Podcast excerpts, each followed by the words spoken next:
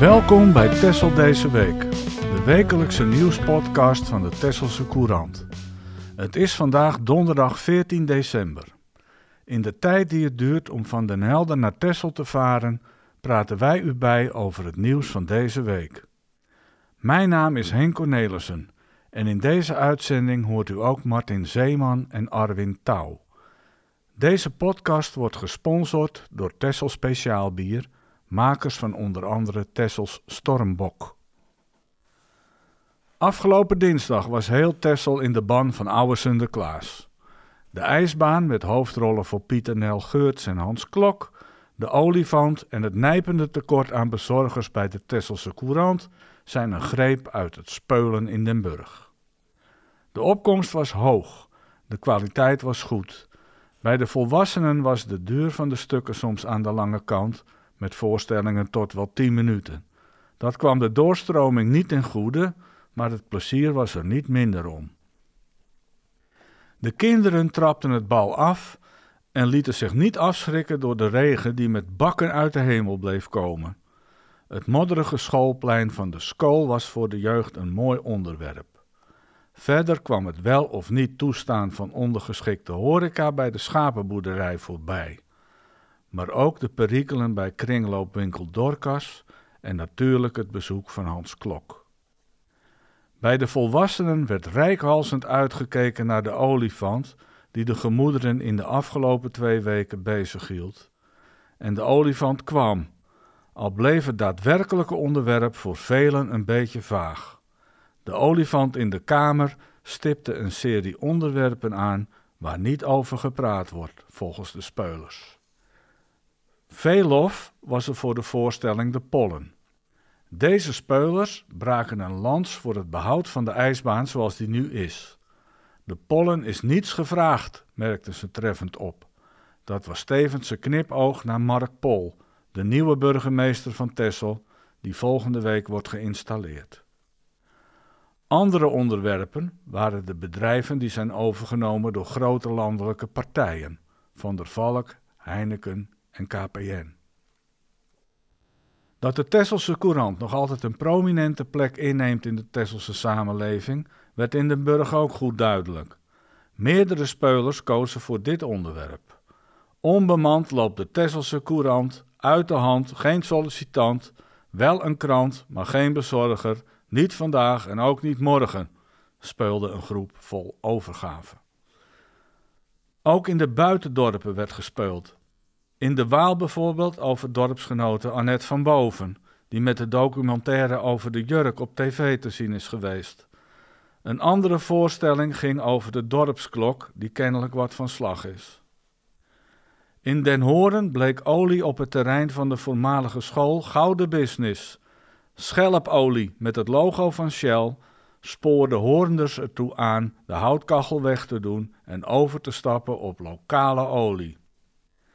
In Oosterend stal een duo de show met een voorstelling over de verhuizing van Bremer naar de katholieke kerk. Er werden reisverzekeringen voor een enkele reis aan de man gebracht en een happy end overlijdensverzekering. In de Koksdorp moet kennelijk worden gewerkt aan de onderlinge verhoudingen.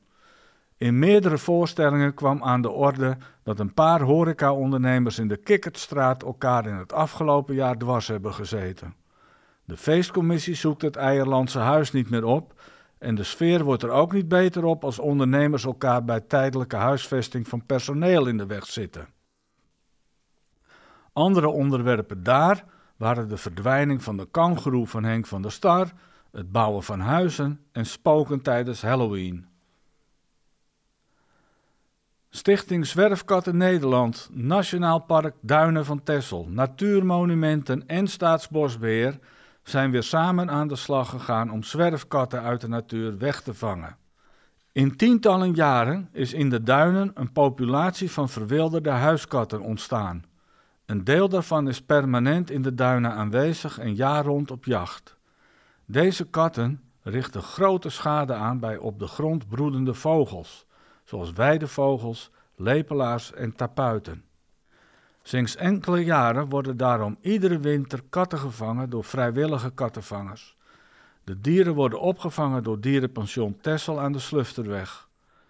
Katten met een geregistreerde chip kunnen daardoor de eigenaar worden opgehaald. Voor eigenaren is het dus belangrijk hun dieren te chippen en ervoor te zorgen dat die chip correct geregistreerd is. De overige katten worden na maximaal twee weken naar een pension in Friesland gebracht. Vandaar worden ze herplaatst of ze blijven, als ze niet geresocialiseerd kunnen worden, de rest van hun leven in het pension. De provincie heeft voor het wegvangen van de katten uit de duinen een vergunning afgegeven. Den Burg kan zich opmaken voor een nieuw culinair evenement. Het gaat op 16 maart plaatsvinden en heet Smaakmakers Tessel. Deelnemers maken een tocht langs zes restaurants en eindigen samen in proeflokaal De Zwaan om daar gezellig na te borrelen. Het evenement wordt georganiseerd door Martin Zeeman en Arwin Touw. Martin deed met Smakelijk en Meer altijd al mee aan de Amuse Tour, maar dit evenement stopte op Tessel. Hoewel hij gelijkenissen ziet, is Smaakmakers volgens hem wel echt iets anders. Het is helemaal Tessels, de organisatie is ook in Tesselse handen en er is nu één vaste slotplek. De organisatoren zijn er blij om dat Sita van der Zwaan direct enthousiast was. Zij werd door hen het eerst benaderd. De restaurants zijn ook andere dan die van de Amuse Tour. Een aantal vertrouwde gezichten ontbreekt, maar er zijn uitstekende vervangers voor in de plaats gekomen. Behalve smakelijk en meer doen de Kastanjeboom, Witlof, Hart van Tessel, de Juice Car en Eilandkeuken mee. Artex heeft aangegeven op diverse plekken op de route muzikale ondersteuning te willen geven. Redacteur Job Schepers sprak met Martin en Arwin over smaakmakers en daar gaan we nu even kort naar luisteren. En, uh, want wat zijn de smaakmakers Tessel of wat is smaakmakers Tessel? Het is een uh, route langs zes uh, restaurants en één winkel. En daar wordt iedereen verrast op. De, dat zijn natuurlijk allemaal smaakmakers. En vandaar dat we die naam hadden bedacht. En daar krijgt iedereen een, een klein gerechtje met een bijpassend drankje overwegend alcoholisch op vele verzoek. En voor degene die dat niet wil, uiteraard ook iets non-alcoholisch. Dan is de allerbelangrijkste vraag, wanneer gaan we dit doen? 16 maart, van 12 tot 5, 2024. 2024, lijkt me handig. En waarom moeten we dit doen? Nou, dat je daar een mooi middagje uit bent en iedereen, uh, bij iedereen een kijkje in de keuken krijgt. En daar verrassende gerechtjes gepresenteerd krijgt. Ja, en Martin, jou kennen we van de, nou, van Smakelijk en Meer. Arwin, jij zit hier ook aan tafel. Kun jij jezelf dan nog even introduceren? Uh, ja, ik uh, zit, kom eigenlijk helemaal niet uit de culinaire hoek, maar wel uit de evenementenorganisatie. Ik heb een evenementenbureau en daarmee organiseren we grote en wat minder grote evenementen. En hoe kwamen jullie dan bij elkaar?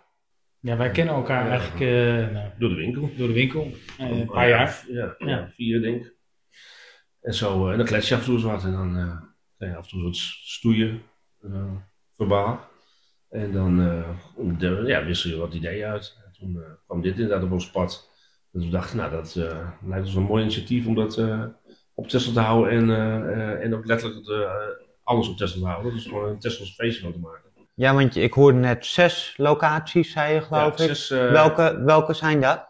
Uh, Harts en Tessel, de Stanjeboom, Smakelijke Meer, Juice Car, With Love, Eilandkeuken. Eilandkeuken.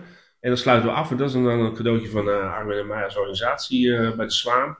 Dan wordt iedereen getrakteerd op uh, één van de vijf uh, Tesselse biertjes. Met, en ziet er zal rondgaan met wat bitterballen en andere dingetjes. Maar daar maken we dus de cirkel rond. Ah, en de kaarten zijn al te bestellen? Ja, online, smaakmakerstessel.nl.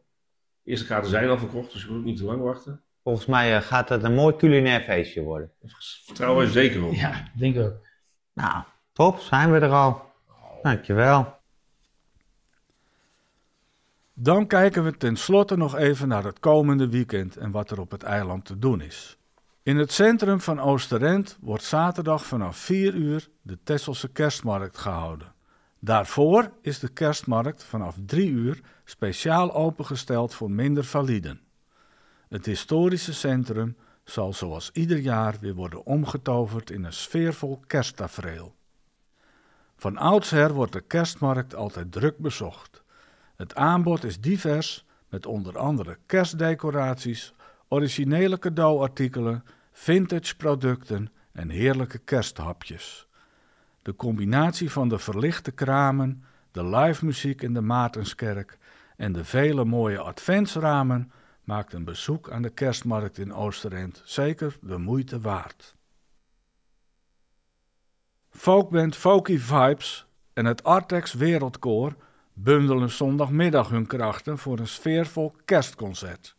De folkband brengt een heerlijke mix van Keltische winter- en kerstnummers en stemmige traditionals in een folkjasje. De enthousiaste zangers van het Wereldkoor zingen kerst- en winterliederen in het Spaans, Zuid-Afrikaans, Zweeds en Native American. Ze worden begeleid door de gitaristen van Folky Vibes. Het concert begint om drie uur en wordt gegeven in de voorspeelruimte bij Artex. De entree is gratis. Dinsdag 19 december is de eerste inloopavond van Heads Up in de Lindeboom. Deze bijeenkomst is bedoeld voor jongvolwassenen met een chronische ziekte in de leeftijd van 20 tot 40 jaar. De organisatie is in handen van Marit Verkaart en Diona Huizinga.